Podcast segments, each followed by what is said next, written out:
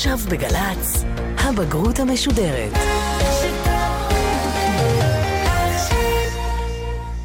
הבגרות המשודרת, גלי צה"ל ומיטב המורים בישראל מסייעים לכם להתכונן לבגרות. והפעם, סמל ראשון ניתאי ענבי והמורה פנינה בנג'י מתיכון שוהם מתכוננים לבגרות בהיסטוריה.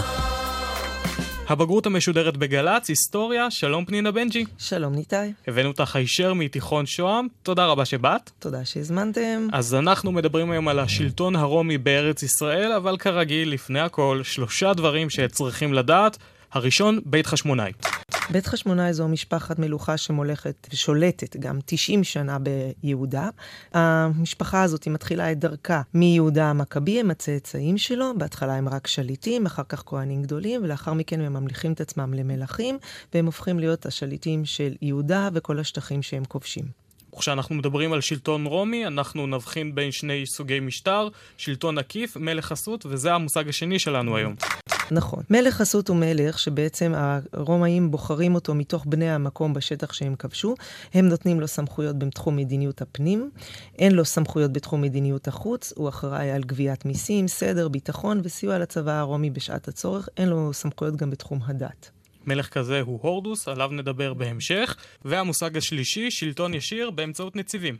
יפה. אה, נציב הוא בעצם שליט שממונה על ידי הקיסר הרומאי, הוא רומאי, הוא נשלח לכאן, הוא איש צבא לשעבר, שהקיסר הרומאי בוחר למנות אותו לתפקיד. הוא בעצם תלוי בקיסר, זמן כהונתו תלוי בקיסר, וכמה הוא טוב בתפקיד. סמכויותיו הן בתחום הדת, בתחום מדיניות הפנים. יש לו צבא קטן על מנת לשמור על סדר וביטחון, והוא כפוף גם לשלטונו של אה, נציב סוריה, שהייתה נציבות הרבה יותר גדולה. אנחנו בתקופת בית שני, מדינה חשמונאית עצמאית הופכת לכיבוש רומי וחורבן בית המקדש, לזה אנחנו מקדישים את תוכניות ההכנה לבגרות. הסתיים פרק המדינה העצמאית החשמונאית, היא נכבשת על ידי רומא ב-63 לפני הספירה, ובעצם מאותו שלב אה, רומא ממנה תחילה בשלטון עקיף מלך חסות, והמלך הוא הורדוס. 60 שניות על הורדוס. הורדוס נולד בשנת 74 לפני הספירה למשפחה אדומית מכובדת שהתגיירה בתקופת שלטונם של החשמונאים וקיבל חינוך הלניסטי. כשהרומאים כבשו את ארץ ישראל, הם מינו את אביו אנטיפטרוס לשליט יהודה. בהדרגה נדחקו צאצאי החשמונאים ממעמדם. הורדוס מונה למושל הגליל, שם ישבו נאמני בית חשמונאי שהרבו למרוד ברומא. הוא פעל נגדם והוציא להורג רבים מהם, כך הוכיח לרומא את נאמנותו. בשנת 40 לפני הספירה הכתיר הסנאט הרומי את הורדוס למלך חסות ביהודה. הקיסר הרומאי העניק לו שטחים נרחבים, דבר המצביע על האמון הרב שרכש לו. קשרי הידידות עם רומא אפשרו להורדוס להגן על יהודי התפוצות ועל היהודים בממלכתו, למרות היחסים הקשים הרבים בין רומא והיהודים. הורדוס היה מלך אבסולוטי וראה עצמו מלך הלניסטי. הוא הציג עצמו כלפי היהודים כממשיכו של שלמה המלך, וחיכה אותו בשלושה תחומים, בניית בית מקדש מפואר, חצר ראוותנית ונשים רבות, ותקופה ארוכה של שלום ויצירת הממלכה היהודית הגדולה ביותר מאז ימי דוד. למה הרומאים מעדיפים לנקוט מדיניות של שלטון עקיף באמצעות הורדוס? כי הורדוס נחשב בעיניהם ליהודים, זה מלך מהאוכלוסייה המקומית, ולכן הם ירכשו את הדת המקומיים. אבל מבחינת האוכלוסייה המקומית, הורדוס הוא לא יהודי. כן, ולזה נחזור בהמשך. מבחינתם זה חיסכון עצום בכספים, אה, בהוצאות כספיות, והם בטוחים שהוא יהיה מחויב לרומא ויעשה כל דבר לטובת רומא. כי הורדוס הוא בעצם אסיר תודה, הוא התחנך על ברכי התרבות ההלניסטית, הוא מכיר את האימפריה הרומית מקרוב, ולכן הוא ירכוש נאמנות בהחלט, לאימפריה הרומית. בהחלט. נאמנותו לרומא באה לידי ביטוי כהכרת תודה, הוא רוצה עוד שטחים, הוא מקווה שהוא יהיה כל כך טוב שהם ייתנו לו עוד ועוד שטחים, והוא זוכה במעמד של אזרח רומא, שזה נחשב בתקופה ההיא לוואו אמיתי. ממש דרכון זר. ממש. אז מה הסמכויות והתפקידים שניתנים להורדוס כמלך חסות? אז הוא קודם כל הוא מלך, אבל הוא לא כהן דת, הוא בעל ברית של רומא והוא ידיד של רומא. בתחום מדיניות הפנים יש לו סמכויות נרחבות אה, ובלתי מוגבלות בתחום משפט, הוא אפילו יכול לשפוט אנשים לגזר דין מוות. הוא יכול להחזיק צבא קטן משלו ויש לו אוטונומיה בנושא משפט וכלכלה. כן, אבל הצבא הקטן מאוד מאוד מוגבל בשימושו, הוא לא למדיניות חוץ, כי אין לו אישור לפעול במדיניות חוץ. לא הכל לא... של הרומאים. בדיוק. הצבא הזה אמור לסייע לו להביא סדר וביטחון, וכמו כן, אם רומא זקוקה לאיזושהי עזרה, הוא יכול בעצם להעביר לה את אותו צבא שישרת אותה. הוא גובה מיסים עבור רומא, ויש לו את הזכות למנות יורש לאחר מותו. והקיסר אה, ברומא צריך לאשר את זה, ואנחנו נדבר על הפרק הזה בתקופה בהמשך. עכשיו, שלטונו של הורדוס בעצם היה מאופיין בכל מיני דברים שהם מאוד מאוד מיוחדים. הורדוס שלט על מגוון גדול של אוכלוסיות. היו פה אדומים, היו פה שומרונים, היו פה נוכרים, היו פה יהודים, והוא היה צריך ללכת בין הטיפות, ולאט לאט בעצם לגרום לכל הצדדים להיות מרוצים משלטונו. איך הוא עשה את זה? לדוגמה, החוק הרומי היה מקובל על כולם, אז זה משהו שעזר להם. הוא, הוא ניהל את הממלכה באמצעות החוק הרומי, הוא היה מאוד מקורב לרומאים, ומי שרצה לחיות טוב, אז היה מקורב גם כן לרומאים.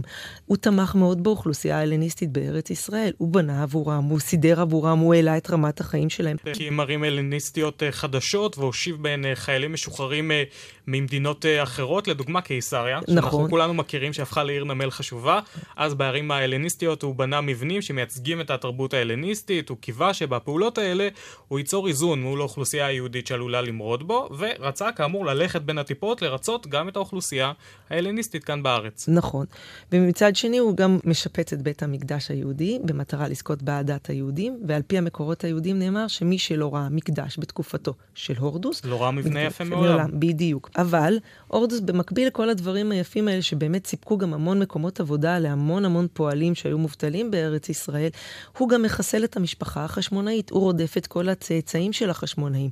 זה נורא מוזר, כי מצד אחד הוא מתחתן עם מרים החשמונאית, על מנת לקבל לגיטימציה לשלטון שלו ולהיות מלך שמקובל על היהודים, מצד שני הוא גם מביא למותה ולמותם של הצאצאים המשותפים. כי הוא חשדן כל הזמן, הוא מפחד לאבד את שלטונו, הוא רואה בכל מי שקרוב אליו, בכל הסביבה שלו, סכנה. מעין פרנואיד. הוא גם פוגע במוסדות יהודיים. הוא לא מבטל את הסנהדרין, אבל הוא מחסל את כוחה.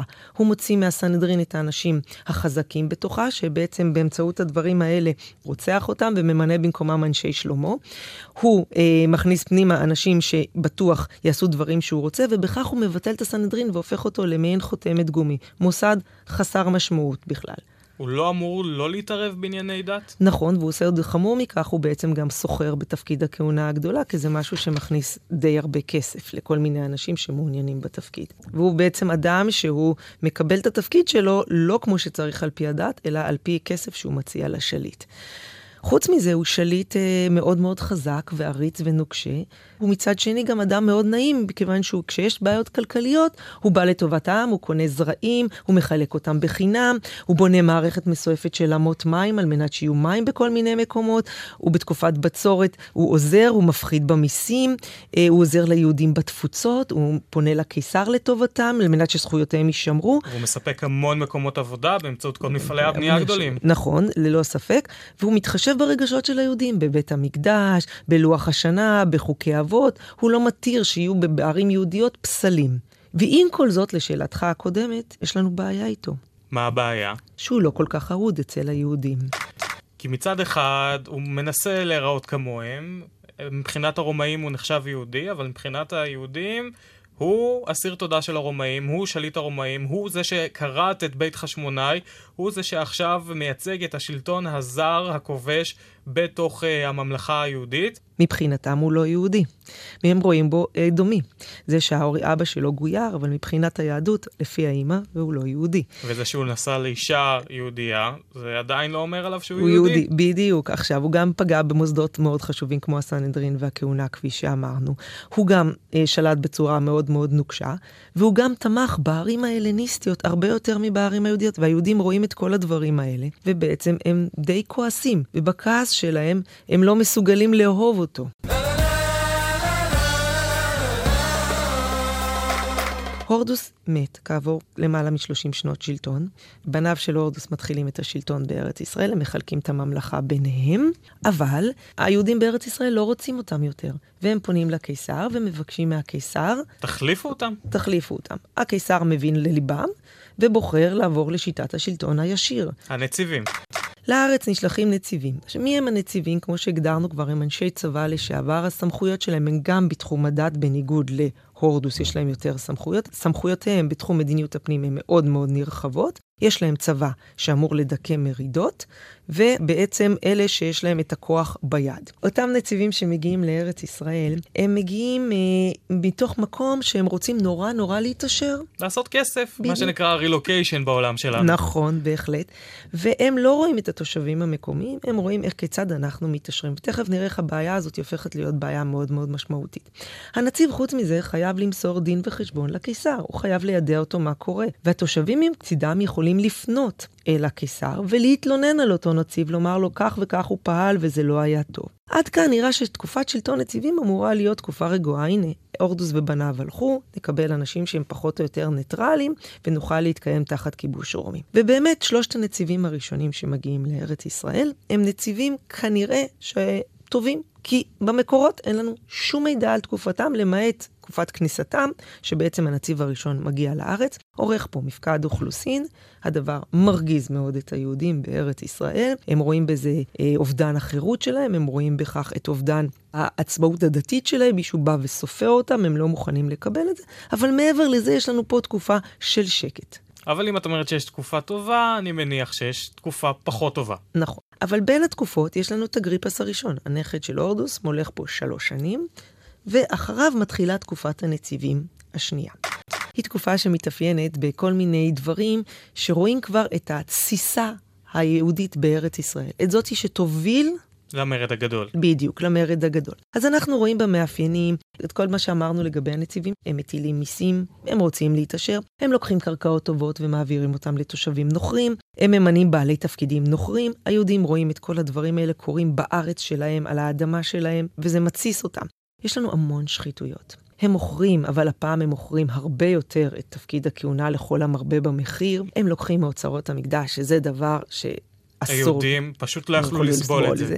הם נוקטים גם ביד קשה נורא נגד כל מיני תנועות משיחיות שקמות בארץ. שמעת ו... אולי על הנצרות במקרה? כן, בדיוק, אנחנו מדברים על אותם נוצרים.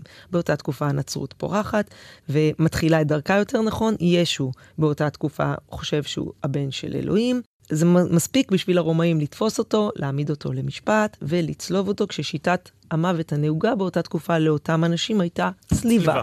והשאר היסטוריה, מה שנקרא. כן. הם מעדיפים המון את האוכלוסייה הלא יהודית על פני האוכלוסייה היהודית. הם משקיעים הרבה כספים בערים הלניסטיות. כי הנוכרים מצד אחד רוצים לסלק את היהודים מהערים המעורבות, ולכן הם ניצלו הזדמנות כדי לפגוע ביהודים ואף להרוג אותם. אבל כשהיהודים פונים לנציבים ומבקשים מהם להתערב בעניין הזה, בסכסוכים האלה, הנציבים לרוב פוסקים לטובת הנוכרים. האוכלוסייה הלניסטית חיה פה בארץ ישראל, שזה לא הארץ שלה. היא חיה כאילו זה מדובר בארץ שלה, היא עושה מה שהיא רוצה. לעומת זאת, היהודים חיים בתחושה שזאת הארץ שלהם, זאת האדמה שלהם, ויש להם פה כל מיני אנשים שהם לא משלהם והם מרגישים בבית יותר מדי. אז מה היה לנו היום?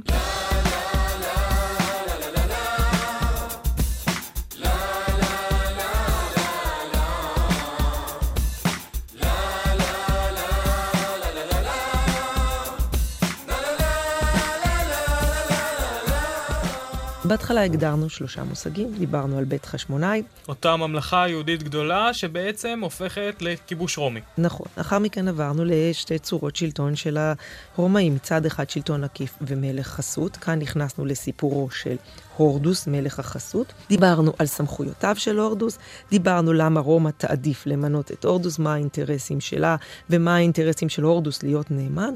סקרנו את כל אה, המאפיינים של שלטונו של הורדוס, וסיימנו עם הורדוס בקטע של מדוע העם לא אהב את הורדוס. אחר כך עברנו לשלטון הישיר. אחרי בניו של הורדוס, העם פונה אל הרומאים, והשלטון מתחלף לשלטון נציבים, אנשי צבא רומי שמגיעים לפה ובעצם שולטים בעם. נכון. אמרנו שהייתה תקופת נציבים ראשונה שהייתה טובה, עצרנו בשלוש שנים של שלטונו של אגריפס הראשון, נכדו של הורדס, ועברנו לתקופת הנציבים השנייה, שהיא תקופה של תסיסה ובעיות מאוד קשות ושל מתיחות בין היהודים, הנוכרים והשלטון הרומי בארץ ישראל. מה שיניע את המרד הגדול, שעליו נדבר בהמשך. סיימנו, תודה פנינה בנג'י. תודה ניתאי. ותודה לטכנאי ההקלטה יואב כהן. עד כאן הבגרות המשודרת בהיסטוריה, אפשר להזין לעוד פרקים בהיסטוריה ולתוכניות במקצועות נוספים באתר גל"צ, ביוטיוב וביישומון גל"צ גלגלצ. אם אתם רוצים להיות בטוחים שלמדתם את השיעור כמו שצריך, אתם מוזמנים לענות על השאלון באתר שלנו. מכולנו כאן הצלחה בבחינה, להתראות. הבגרות המשודרת, סמל ראשון איתי ענבי התכונן עם המורה פנינה בנג'י לבגרות בהיסטוריה. עורכת הדיגיטל אלונה בלקין. עורך דיגיטל ראשי ברק חיימוביץ'. עורכת אחראית מאיה להט קרמן.